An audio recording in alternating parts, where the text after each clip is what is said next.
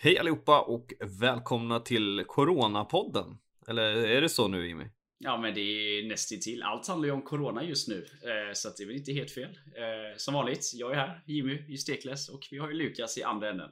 Mm, som vanligt. Eh, vi, vi snackade lite det om när vi skulle snacka om vad vi skulle prata om i den här podden. Alltså allting är verkligen corona. Det är nästan befriande när man har ett samtalsämne som inte handlar om corona för att allting påverkas ju av det här och för det mesta negativt. Ja, och det känns nästan tomt när man inte pratar om corona heller. Det känns som nej, nej, nej, nu pratar vi om något helt annat här. Jag var faktiskt mm. i affären alldeles nyligen och det kändes typ som du vet när man är där på ja, precis innan midsommar. Alla har åkt från staden liksom och du går in mm. där och det känns som att du är helt ensam och allt är tomt liksom. Ja, det är surrealistisk känsla alltså. Det... det är en absurd upplevelse just nu. Alltså att åka tunnelbana till exempel. T-centralen i Stockholm och man kollar sig runt och man ser knappt en jävel klockan halv sex på en onsdag kväll. Ja, ja, med all respekt för vackra Halmstad här, men alltså, jag känner inte så stor skillnad i och med att det är så jävla mycket människor som bor här. Men man känner när man var på ICA Maxi i alla fall att ja, det, någonting är ju på gång. Ja, det är läskig stämning och det känns som att min känsla just nu, det här kommer ju aldrig ta slut. Eller jag kan inte se framför mig att det här kommer ta slut och när det kommer ta slut. Det känns som att det här kommer fortsätta ett bra tag alltså. Jag såg att det var någon som la upp en bild på Twitter med Det här är det sämsta avsnittet någonsin utav Black Mirror. Vad är Black Mirror? Borde jag veta det? ja, det är en serie på Netflix. De har lite så här konstiga avsnitt. De eh, spelar upp i olika världar typ. Uh, väldigt värd serie att se och det, det, är en tankeställare. Jag ska inte säga att det är satir, men det är samhällskritiskt på många sätt. Uh, riktigt bra serie. Alla älskar den. Det är helt sjukt att du inte har hört om Black Mirror. Är inte det definitionen av satir by the way? Samhällskritisk? Mm, ja, fast då skulle du ju oftast använda humor. Är det inte så? Okej, okay, så du, det, det, är satir fast totalt humorlös. Ja, så kan man säga. Samhällskritik kan man ju säga. Det är som genomsnittliga svenska komiker med andra ord. Nej, nu ska vi sluta lite kängor här tänker jag. Eh, ja. Det är väl ganska tydligt då vad vi ska ta och prata om idag. Och det är ju Elsvenskan. Som eh, äntligen kom igång. Motorn eh, drog igång och det brummar på. Det var en kalasstart på den. Men givetvis, som allt annat med Corona, så är ju det här satt på is. Vad vet vi än så länge om Elsvenskan och dess fortsättning, Lukas? Vi kan väl börja med bakgrunden till det här beslutet och det är ju att EA har ju ställt in alla sina turneringar som de har eh, över överskådlig framtid, vilket gör att eh, det, man får inte spela några turneringar helt enkelt och det gäller även online vad vi har fått höra. Så att de ställde ju in ehm, eh, Bukares turneringen här nu. De kommer väl ställa in turneringen efter det och det kommer förmodligen inte bli någon VM i sommar. Det är svårt att se faktiskt. Um, och eh, de stängde ner den holländska ligan, de stängde ner den danska innan den hade börjat och nu då såklart även den svenska eh, på grund av ja, coronaviruset såklart och att man vill minska spridningen av det här. Och det är ju många har jag sett som kommenterar på alla olika lag och även på officiella elsvenska kontot och frågar varför kan vi inte spela det här? Alltså, det här måste ju vara någonting. Om det finns någonting man kan spela så är det väl det här. Men det är ju inte vi riktigt vi som sitter på makten utan det är ju EA som eh, äger rätten till alla sina egna turneringar. Ja, och vi, vi spelare och lag är ju ganska eniga och vi står ju liksom på samma sida där att vi, vi tänker ju direkt att det är ju our time to shine liksom. Är det någon gång online-spel är hett och man skulle ha en turnering så är det ju nu. Eh, samtidigt respekterar jag EA's beslut för att EA är en stor organisation. Eh, de, gör de ett undantag så kommer andra klaga på det. De har inte ställt in bara Fifa, de har ju ställt in alla turneringar inom alla egentligen spel som de äger. Jag tror de till och med lämnar in eh, eller vad heter det, inte lämna in men de, de skulle dyka upp på något konvent typ och släpp, eh, där man släpper spel och sånt där. De, de sket ju att komma dit helt enkelt för att de, de vill inte utsätta sig för detta. Eh, så att det är ett beslut som tyvärr ligger i EAs händer. Sen får vi väl se vad som händer om de öppnar upp någonting för online. Men det, då blir det ju andra problem som att man kan inte säkerställa en god eh, anslutning. Det är svårare att upptäcka fusk och såna här grejer. Så att det är massa sådana grejer och det är mycket byråkrati där. Så att ja, det ligger inte i våra händer utan det ligger i EA's händer. Jag tror både svensk elitfotboll, klubbarna och EA i Sverige och allting vill ju ha igång det här så fort som möjligt. Så ingen skam på någon av arrangörerna till Elsvenska utan allt ligger ju i EA's händer. Eh, då är frågan, vad händer nu då? Mm, det är ju den frågan som alla frågar sig. Jag tror att um, vi, både du och jag har lite för dålig kontakt med DreamHack eller EA för att kunna utmynna till någonting. Jag tror ju dock att det inte blir någonting under Fifa 20 i alla fall. Uh, utan att man i så fall skjuter upp hela säsongen till Fifa 21. Förhoppningsvis. Så det bästa lösningen just nu hade varit att man körde säsong 2 så fort Fifa 21 släpps och sen kör man uh, tredje säsongen på våren. Um, för just nu känner jag så här Alltså spelet är ju ändå lite dött, eller hur? Så att jag tror att vi kan skapa mer intresse och få ut mer av säsong 2 om vi gör det i höst. Det är sant. Uh du sa ju det också att du tror att VM kommer ställas in. Eh, och jag tror att man kan ju resonera kring det också. Eller, om vi tar från början då, nu börjar jag sluddra som vanligt känner jag. Eh, men säg att E-svenska skulle spelas till sommaren och även VM och lite sådana här tävlingar. Eh, det hade ju på något sätt bryggat gapet och byggt upp en hype inför Fifa 21. Men om vi tar VM som är det tydligaste exemplet så blir det väldigt ojämnt för de som kvalar in till de fyra första turneringarna. Det, det är ju de som egentligen har chans att kvala in till VM, vilket gör att många berövas på sin chans. De som kvalar till FCC 5 kanske inte får chansen att kvala dit. Folk eh, som skulle kvala till playoffs får inte chans att kvala dit och så vidare och så vidare. Och det blir en kedjeeffekt och enda sättet för EU att rädda detta i så fall, det är ju att försena nästa spelsläpp. Det kommer ju aldrig någonsin ske. Eh, därför tror jag också att VM kommer ställas in. Mycket mer att de kanske har en major eller något sånt där, liksom typ ett invitational till någon som har presterat bäst eller något sånt där. Men jag tror VM blir inställt där. Elsvenska ser jag väl ändå som att alltså, om det blir klartecken, inte för sent, så tror jag absolut att de är sugna på att kanske parallellköra detta med ifall allsvenskan skulle komma igång, säg sent maj, tidigt juni. Men det är som du säger, klubbarna ska vilja göra detta. Många klubbar drabbas ju hårt av detta. Så vi får väl se hur många klubbar som överhuvudtaget överlever detta och hur det påverkar e-svenska och sånt också. Jag tror e-svenskan är väldigt, väldigt sekundärt, till och med tertiärt eller ännu längre ifrån för många klubbar just nu. Så att det, det, blir ju ett problem också. Jag tror definitivt att i varje fall svensk elitfotboll har varit sugna på att dra igång EL-svenskan samtidigt och EA hade nog älskat det också för att spelet brukar ju som sagt dö kanske juli, augusti någon gång. Uh, och så byggs det upp en lite, lite hype inför Fifa 21 och nu hade man bryggat över det perfekt. Och tänk då en säsong precis i Fifa 21. Det, EA hade ju älskat det, men ja. Frågan är hur vi spelare och klubbar ställer oss till det. Jag är som dig där att om det inte blir något nu, då är det ett avslutat kapitel i så fall. Ja, det känns lite så. Och jag är inte så sugen på att spela i Allsvenskan i juni, juli heller. Alltså, det, det, det kommer inte locka något intresse.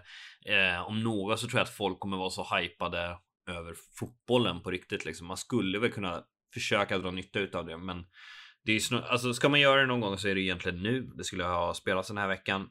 Tyvärr så har vi inte riktigt de möjligheterna, men det här kommer ju få effekter. Liksom. Jag kommer inte få resa till Vancouver i vår. Ja, jag vet, det är fruktansvärt. Um, och liksom, vilka effekter kan det här få på Fifa 20 om de inte kan göra ett hundraprocentigt jobb? Tror du att vi kan få se ett ännu sämre Fifa 21? Nej, jag tror tvärtom att EA kommer släppa Fifa 20 helt nu och de kanske går all in på Fifa 21 istället. Vi får ju hoppas det. Sen förstår jag det du menar då att de kanske inte flyttar över dig och några till till Vancouver för att testa spelet. Men jag tror ändå liksom, jag har haft det på känn hela tiden att så fort en ny konsol kommer, i det här fallet PS5 som verkar komma lite tidigare än Xbox. Ja, nästa Xbox kommer inte ihåg vad den heter. Då tror jag att EA direkt vill slå till och släppa ett bra Fifa just för att verkligen dra upp den här hypen. Jag tror det är därför det känns som att spelet inte har ändrats mycket mellan Fifa 19 och 20 för att de har haft allt fokus på Fifa 21. Det är min förhoppning i alla fall. Sen får vi se exakt hur det här kommer sluta. Mm, ju, ju mer man hoppas, ju mer blir man sviken känns det som. Eh, men jag tror absolut det kan bli ett bra Fifa 21 i alla fall. Det, det tror jag, trots omständigheterna. Det här kanske till och med är bättre för dem. Mm, men vi pratar lite om klubbarna också. Jag tror som du säger att klubbarna inte är jättesugna på det heller. Jag ska säga så här att eh, det är fullständigt kris just nu i samtliga allsvenska klubbar. Framförallt skulle jag vilja säga de eh, medelstora eller mindre klubbarna som är beroende av intäkter som de inte kunna, kommer kunna dra in. Eh, jag kan inte riktigt säga för mycket, men det är väl rimligt att anta att klubbar som har sålt spelare eh, klarar sig bättre från det här. ni kan väl tänka ut er själva vilka de här klubbarna kan vara. Medan de som har en verksamhet som är grundad på sponsorer Eh, eller som har varumärken eller som till exempel Häcken som har Gothia Cup. Det blir, kommer inte bli ett Gothia Cup i år, det är svårt att se. Nej, det eh, blir svårt nog. Ja. De eh, tappar betydande intäkter eh, och det, det här kommer slå hårt. Förhoppningsvis så är vi igång med matcherna. Eh, till, I alla fall i juni, juli. Att allsvenskan startar då, att vi bara kör. För i så fall kan det ju fortfarande bli en av de bästa jäkla somrarna. För det är mycket roligare att gå på fotboll på sommaren än på våren och hösten. Jag skulle äh, säga jag, det, det kan, det kan bli en fantastisk sommar. Jag vet, du är en av dem som hatar landslagsfotboll. Sen tror jag i och för sig du gillar mästerskap. Men många hatar verkligen landslagsfotboll och du får nog följa klubbfotboll istället. Under den bästa årstiden när de flesta är lediga. Nu vågar jag inte svara på hur de samhällsekonomiska effekterna blir på ledighet och sånt där då, men det, det, sagt, det kan nog bli en stor succé där. Ehm, mm. Men, ja, men det är inte bara klubbar liksom som ligger åt helvete. Alltså, man, man pratar ju mycket om det här viruset och spridningen och så här jag personligen är inte så rädd för själva spridningen utav virus, utan det jag är rädd för är de samhälls, eh, samhällseffekterna vi ser med framförallt bland unga och fattiga eh, som har liksom lite otryggare anställningar. Eh, där man inte får ett jobb. Det är, folk varslas, det finns ingen som kommer anställa nu.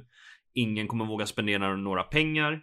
Eh, eftersom att alla försöker hålla i det de har. Det enda de eh, köper det är väl alkohol och mat liksom i princip just nu. Um, ja, men det är så. Det, det finns ingen konsumtion. Uh, ingen tjänar pengar. Inga företag kan betala ut löner. Vi får se vad politikerna väljer att göra åt det här, men jag tror att uh, det finns mycket, mycket negativt ehm, med det här samhällsekonomiskt. Så det är det jag är orolig för, Spe speciellt som som eh, youtuber och influencer. Jag tror ju definitivt att vi fortfarande kommer tjäna mycket pengar på annonser. Men sponsorskap till exempel, sponsrade videos, sponsrade inlägg. Där tror jag att vi alla ska vara rätt oroliga. Jag räknar inte med att få en, ett enda partnerskap eh, det närmaste året i alla fall. Och det tycker jag är en sund inställning för att du kan bara bli positivt överraskad och du, du budgeterar ju på ett helt annat sätt. Och det är som du säger, de här samhällsekonomiska effekterna Alltså de, kommer ju, de kan ju i vissa fall bli förödande. Många småföretag drabbas ju så också. Jag menar, det finns ju inte en politiker i världen som kan rädda detta oavsett hur mycket. Säg att de skulle låna ut pengar eller ge mig bidrag eller något sånt där. Det som krävs nu, det här, det här är en uppmaning till alla nu då från eh, min lilla statsvetenskapliga utbildning eller vad man ska kalla det. Konsumera. Vi måste konsumera så att det spelar liksom ingen roll hur mycket pengar så man delar ut. Nej, nu ska vi inte snacka för mycket ekonomi här. Det är inte vårt expertområde hur mycket vi än önskar det. Men... Nej, men det är, det är en del av vardagen som vi alla kommer vara med om och uh, uppleva under den närmsta. Jag skulle gissa på närmsta ett, två åren i alla fall, för det här kommer få långt gångna konsekvenser. Och, uh, redan nu uh, så är det ju så att folk börjar ju spara liksom och det Tyvärr, det är, vi har nog dystra tider framför oss. Det blir ju en artificiell lågkonjunktur på ett sätt och det är som du säger där. Folk börjar ju spara liksom och det endast det bästa sättet att ta sig ur en lågkonjunktur är att inte spara utan att investera och konsumera. Så vi får mm. väl se hur det slutar här och det är som du säger där med klubbarna. Om du ska dra lite långtgående effekter här. Om klubbarna drabbas så drabbar det spelarna, vilket gör att de måste trimma trupperna. Det gör att spelarna kanske måste hitta jobb i sidan om eller gå ner till lägre divisioner och börja studera och sånt där liksom. Så att det kommer ju liksom det här kommer ju påverka så mycket. Kvaliteten kommer ju kanske gå ner lite på allsvenskan också. Uh, utländska spelare kanske kommer lämna Sverige för att de känner att de inte kan tjäna tillräckligt mycket. Det, det, det, kommer ju bli mycket och det är just det här med att man ska personalen runt omkring klubbarna.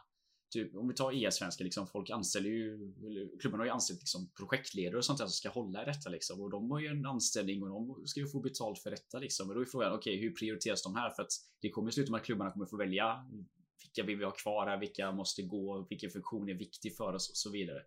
Så att eh, ja, det är, det är en dyster tid. Jag hoppas att så många som möjligt klarar sig att det här inte pågår under så lång tid och att matcherna blir av ganska snabbt så att och att folk fortfarande har råd att gå på matcherna. För det är någonstans där, ifall sponsorerna märker att folk fortfarande går på matcherna, då är det större chans att de fortsätter sponsra. Folk kommer tycka det är kul, folk kommer känna sig villiga att gå på matcherna. Vi får helt enkelt se. Det är, det är både spännande men framförallt jävligt läskigt vad som händer där. Ja, men det är ju lite så liksom för att eftersom att så många olika yrken äh, sätts ur spel. Vi, man pratar ju mycket om pubbar och restauranger och äh, artister eller allt som har med nöje att göra i princip. Äh, sätts, ur, äh, sätts ur spel så får vi en arbetsmarknad där vi har väldigt lite jobb tillgängliga och väldigt, väldigt många som söker de här. Framförallt när det gäller lågkvalificerade jobb som jag vågar påstå är de, de typen av jobb som de som utsätts mest för det här söker.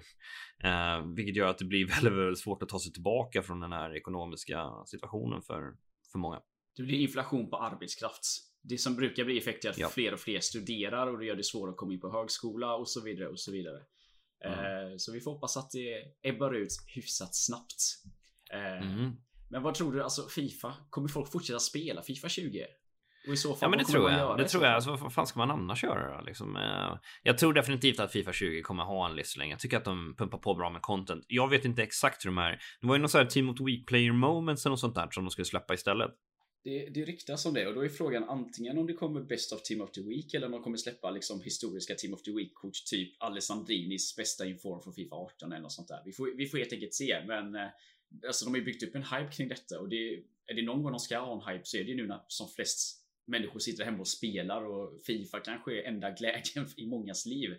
Hur, hur konstigt den låter när vi sitter och gnäller på spel dag ut och dag in liksom. Men till syvende och sist är det ju en fotbollssimulator. och Alla vi älskar att spela fotboll, så jag tror Fifa kan få en lite temporär ökning där. Men det är frågan hur länge till typ vi som tävlar i det tycker att det är kul att spela för att att tävla i det, det är ju dött nu. Det, det är ju om man ska göra det för content. Vi gör lite icon swaps och vi, nu öppnar de Weekend League på Fifa 19 och lite sådana grejer. Vi kommer gå in på det senare liksom, men de ska ju någonstans hålla igång det här och personligen känner väl jag kanske att jag kommer inte spela lika mycket Fifa som innan. Det är klart jag kommer göra ett icon swaps. Det är kul att streama Fifa.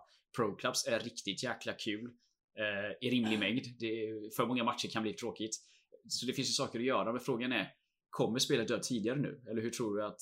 Alltså, finns det någon räddning för dem? Alltså, säg att de skapar en online-liga nu. Kommer det rädda intresset på den? Uh, jag vet inte. Jag vet inte. Jag tror inte att det får en överdriven effekt. Um, jag är mest intresserad vad händer med Team of the Season? det, skjuts det upp eller drar man in den mitt i? Säg att de bestämmer att de drar igång alla ligor. Alltså i mitten på maj eller i början på juni. Hur gör man med Team of Season då? Släpper man den i samma tid ändå eller skjuter man upp den? Jag tror att eh, det är rätt beroende av att hålla igång de här promoserna. Eh, gärna slänga in lite fler saker. Den här eh, kortvariga men nya eh, konkurrensen från PES i alla fall eh, när man kollar från publika ögon så tror jag har hjälpt Fifa lite. Jag tycker att det har varit bra content på senare tid. Jag tycker att man har haft lite dålig fantasi när de har gjort de här icon swapsen, för det har varit samma icon swaps varje gång. Uh, det till exempel nu med ligor och sånt där. Då kunde vi i alla fall gjort nominationer i alla fall istället uh, för att uh, sprida ut det lite. Men jag kommer ju sitta och göra icon swaps. Jag kommer förmodligen gå på det där ikonpaketet och en kaka. För vad, vad ska man annars göra? Liksom? Vi tänker lika där. Och har du testat pest någonting det här året? Nej, men jag har sett på det och det ser jävligt tråkigt ut. Jag skulle, jag skulle säga det, för alla vill ju spela fotbollssimulatorspel och tänker många varför går man inte över till PES? PES är ju gratis nu och allt det här. Jo, alltså ger du det i 20 matcher så tänker du okej, okay, nu kan du spela spelet, men alltså tycker man Fifa är trasigt så är det ju ingenting i jämförelse. Eh, så vad är det som är broken i PES då? Vad är det som inte är broken? Vi kan väl. Min recension av det är väl att typ passning och sånt lite random. Du kan slå en eller trekantpassning om vi jämför med Fifa då exempelvis. Och så motståndaren kanske rör försvaret, men försvaret stannar ju bara upp och din spelare springer bara rakt fram och så får han liksom ett friläge. Det känns lite Lite football manager över grafiken. Din spelare bara går rakt igenom. Helt plötsligt har han ett läge och skjuter mål från kortlinjen typ liksom. Målvakterna slänger sig en sekund efter ibland och allt känns bara liksom väldigt, väldigt RNG med animationerna. Och försvarsspelet är ju också jäkligt broken. Det lilla jag kände var ju att det gick inte att försvara manuellt alls i princip utan du, du, du styr typ en mittback och täcker en yta och sen så trycker du in andra press som i och för sig är väldigt bra på spelet. Och du kan ju dessutom dubbelklicka så att du har två spelare som andra pressar. Men du, du, kan ju inte, du kan inte försvara manuellt utan du måste ju hela tiden bara stå och täcka ytor och hoppas att han passar på det och så låter du A in liksom bryta bollen. Och det är lite sådana grejer som gör att det, det är trasigt på det sättet. Sen är det jäkligt kul att spela 3 mot 3 för då det är samma som ProClass på Fifa, att du kommer runt väldigt mycket av AI-momenten som är, vilket gör att det är roligare fotbollsspel i och med att du måste tänka lite. Men PES som spel, nej. Och sen är det ju samma när du, sök, när du spelar själv. Alltså det tar ju, det kan ta upp till fem minuter innan du hittar en match. Och kanske den spelaren tackar nej och då får du vänta fem minuter till. Och det är... Låter som Division Rivals då. Ja, fast tusen gånger värre typ. Alltså Rivals tycker jag det tar lång tid. Det är 30 sekunder liksom. Där, och då är det liksom, det är ju en dröm om du får match efter 30 sekunder i PES liksom. Och då blir det att om man nu avväger de här två alternativen då folk kommer spela Fifa, kanske inte lika mycket Ultimate Team, men fortfarande spela Fifa liksom. Vi såg ju Leighton Orient exempelvis utnyttjade det här på ett perfekt sätt och skapa en stor fotbollsturnering eller Fifa-turnering för jättemånga klubbar i Europa exempelvis. Och de har ju fått, jag, jag tyckte jag såg att de hade 65 000 följare ungefär när de la ut det. Jag tror de ligger på nästan 90 nu.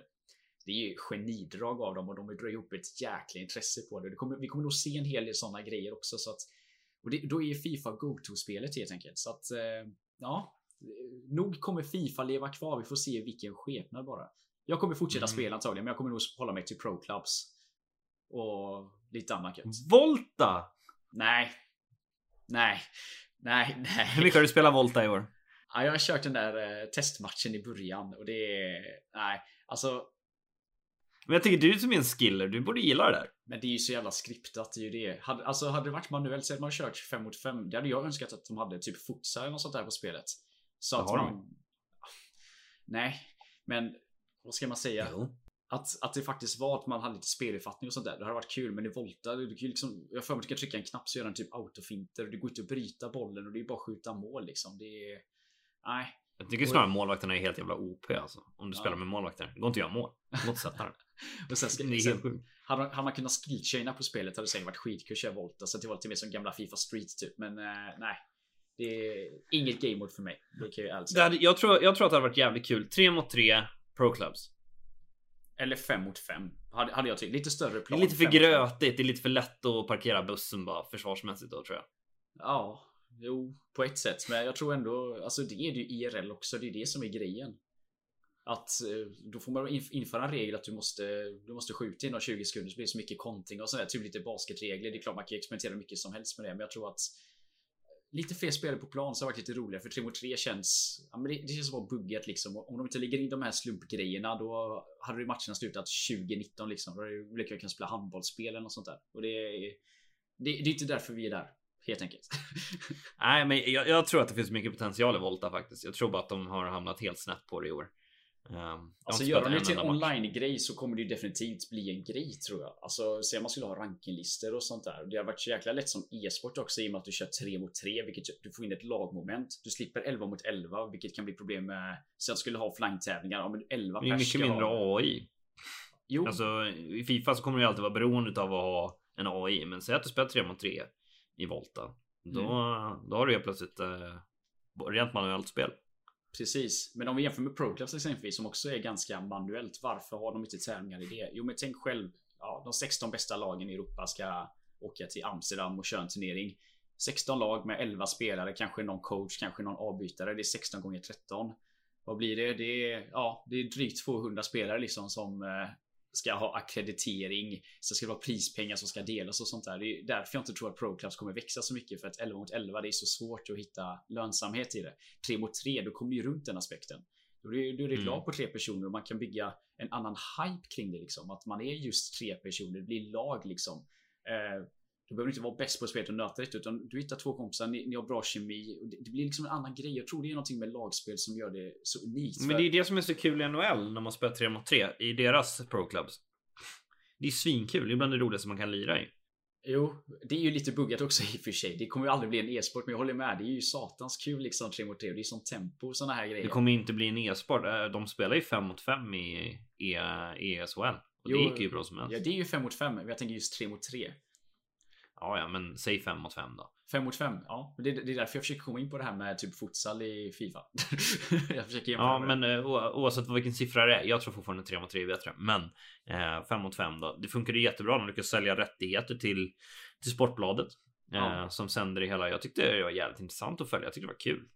Jag har inte följt det så mycket, men jag kan tänka mig att det är ganska kul. Jag menar, både du och jag som... Jag kallar i fall mig själv en glad amatör, för jag har ju knappt stått på skridskor i mitt liv liksom. Men jag tycker det är jäkligt kul att spela NHL liksom. Och det, jag känner själv de tiden jag spelar mycket NHL utvecklar mot Fifa-spelen också för att du gör så mycket kombinationer och sånt där. Det är liksom ganska likt spelintelligensmässigt. Så därför är det extra kul att göra det. Och det är som du säger, man är fem personer. Det är lite lättare att hålla koll på allting, lite lättare att bygga ihop ett lag.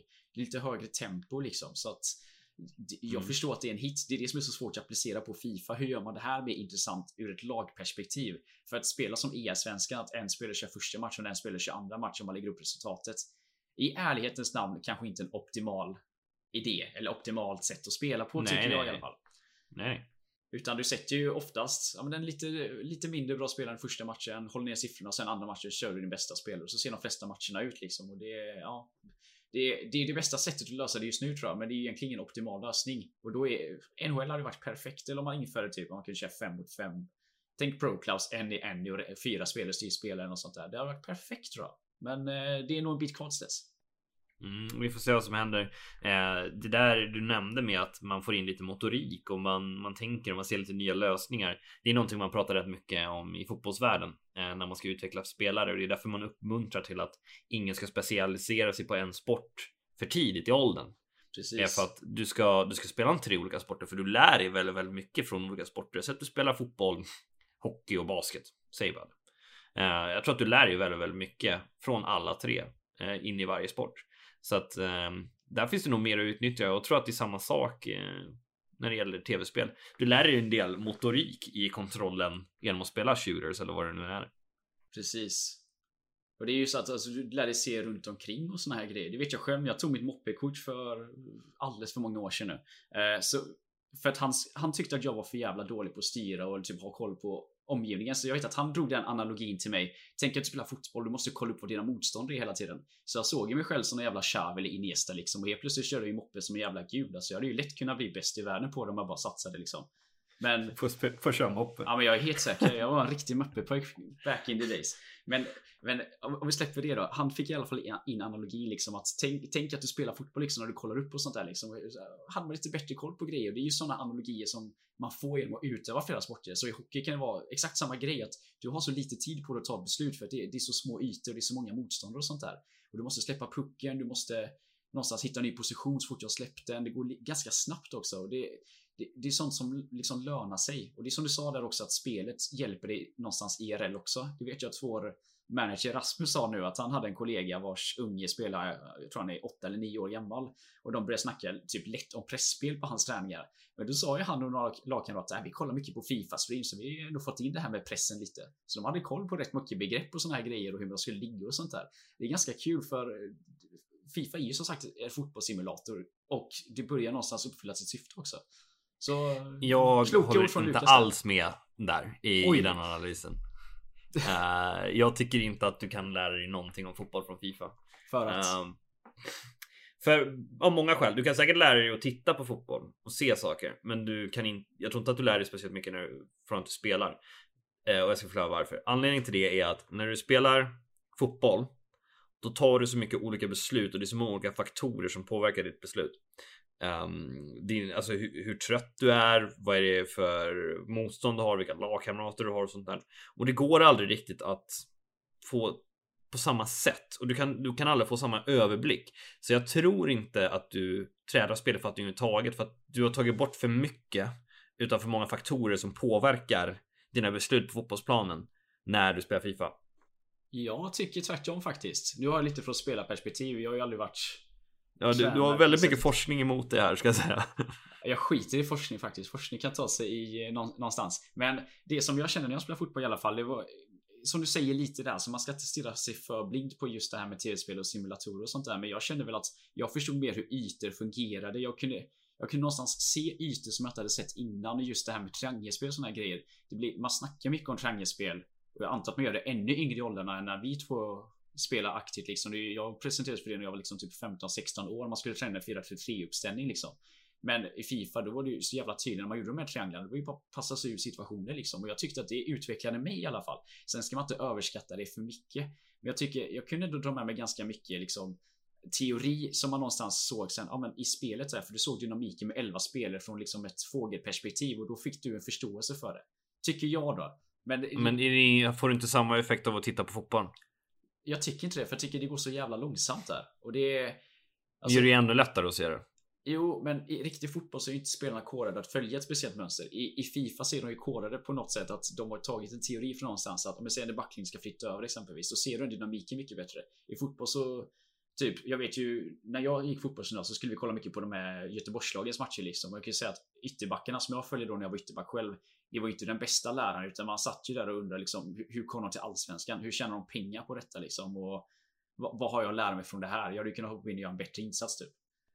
Mm. Så att jag tror just jag, jag hör vad du säger, jag hör vad du säger, men jag tror fortfarande, jag står fast vid min ståndpunkt att det, det är alldeles för mycket äh, som man lär sig fan alltså på planen. Eh, det är alldeles för mycket faktorer som påverkar för att du ska kunna skapa en fotbollsspelförståelse som du kan dra nytta utav. Jag är väldigt, väldigt duktig på att eh, förstå spelet. Man ska skilja på speluppfattning och spelförståelse. Spelförståelse är hur bra du förstår spelet rent teoretiskt. Speluppfattning är hur du uppfattar det på planen. Jag skulle säga att jag har i allmänhet i bollsport ganska bra speluppfattning. Men den är långt ifrån min spelförståelse. Min spelförståelse är mycket bättre än min speluppfattning. Eh, för att jag har spelat alldeles för lite. Men jag, och jag har väldigt svårt att titta upp. Jag har svårt att göra det med fötterna, det som jag tänker med huvudet. Eh, och därför så tror jag att eh, man behöver lite mer erfarenhet på planen för att, för att kunna följa mönstret. Jag köper det du säger och jag tänker mer, det är lite skillnad, för du sa ju skapare, jag tänker mer liksom fördjupa och få en förståelse för det. Alltså, du vet, det är ungefär som att det finns olika Jo, men du kan förstå det. Du kan förstå det, men gör du det Ja, jag, Nej, gör du det efter 90 minuter? Tar du inte samma 90 beslut efter- Nej, inte 90 minuter för att jag är inte en dator. Jag är trött efter 60 minuter och Men det är det jag menar. Det är det jag menar. Så du, du, du kan inte ta samma beslut efter 90 minuter springande som du kan göra efter 5. Nej, nej. Och, där, det- och därför så är det svårt att sätta praktik på det. Um, alltså ifrån, ifrån ett tv-spel för att du behöver träna. Jag tror ju så här, min tränarfilosofi att du ska ju träna precis som en fotbollsmatch är. Du ska köra pass med 90 minuter, du ska ha en kvart emellan och bla, bla. Desto mer du tränar på Alltså att eh, kunna eh, ösa in mål. Om du ska träna anfallsspel till exempel för att ösa in mål sent, då ska du göra det sent i träningen också. Eh, där du är trött och du, du blir mer van vid att ta vissa beslut och öva in vissa beteendemönster även när du är trött. Eh, för det är bara att kolla på en fotbollsmatch. Den, det är väldigt stor skillnad i tempo mellan minut 10 och minut 80. Ehm, nu svävar vi iväg totalt här, men därför just med samma logik så tror inte jag att Fifa ger dig speciellt mycket. Ja, det kan nog hjälpa lite i spelförståelse, men det är snarare i så fall skulle jag säga att det skapar ett intresse för spelförståelse mer än att det bygger spelförståelse. Jag tycker vi säger så här. Let's agree to disagree. Det är, det är för jävla härligt att vi tycker olika saker och ändå någonstans sitter och pangar kod slutet av dagen ändå Lukas. Det gör vi. Så Ja, borde ja. alla vänskaper se ut. Mm. så, men eh, okej. Ja, nej, jag tycker tvärtom. Eh, jag köper ju samtidigt det du säger liksom. Och det, du, du, jag tycker du ser det mer ur ett tränarperspektiv. Jag ser det mer ur ett spelarperspektiv och det var jäkla tag så jag spelade liksom. Och som, som ytterback så tycker jag i alla fall att man, man, ser, man ser mycket ytor. Men det, det är som du säger liksom. Man, man måste träna på det någonstans också. Hade inte jag vi, vi nöter så mycket på våra träningar. Just de här grejerna liksom. Och jag kände väl liksom att okej, vi gör detta men jag får inte en förståelse för det. Sen kan man sätta sig och spela lite hemma och så såg man de här rörelserna och så tänkte man liksom, oh, just det var precis så det var. Man slog en passning och såg en yta liksom. Och nu vet jag att Fifas AI inte är lika bra på att försvara som ERL och du faktiskt kan täcka fem man och styra fem man. Det kan du inte göra i ett Fifa-spel, du styr en spelare just nu. Och det, och, det, och det är där det skiljer sig. Så att man ska absolut inte ta för givet att Fifa lär dig någonting. Men det är ett bra komplement. Det var väl politiskt sagt? Nej, Nej, jag håller inte med. diplomatiskt sagt menar jag. Men, ja, ja. Och det var det här avsnittet från hörnan. Eh, ni får gärna tagga oss på Twitter och eh, Instagram, komma med kommentarer vad ni tycker kring det vi säger. Vi har väl varit lite oense idag. Eh, vi har pratat om Corona, fotboll, Fifa, EA. Inte så mycket exakt vad som gäller i Fifa, men vi kände ju samtidigt att det finns inte så mycket att säga just nu kring spelet.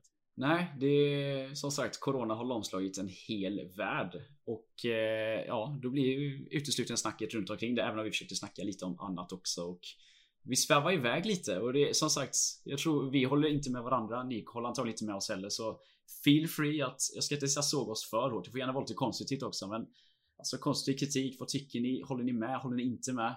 Lukas som sagt är lite mer utbildad inom ämnet än vad jag är. Så att jag, jag räknar med mottagning. Jag blir besviken på er annars. Eh, Så lämna gärna all möjlig feedback, frågor, vad som helst liksom. Podden kommer ju fortgå liksom. Vi, vi skiter ju i Corona liksom. Vad ska Corona göra oss liksom?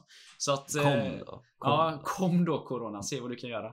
Eh, Så att fortsätt komma med feedback, frågor, kritik, vad som helst så ska vi försöka se till att det här blir en för jävla rolig vår ändå. Trots allt som händer. Eller vad säger du Lukas? Precis, precis. Så får ni ha det så underbart bra. Vi hörs ju nästa vecka. Vi kommer ju fortsätta köra och det kommer finnas saker att prata om även i Fifa. Till exempel hur det går för dina Bundesliga Icon Swaps. Tack så mycket för den påminnelsen Lukas. Vi gör som så här, vi hörs nästa vecka. Ha det gott! Tja, tja!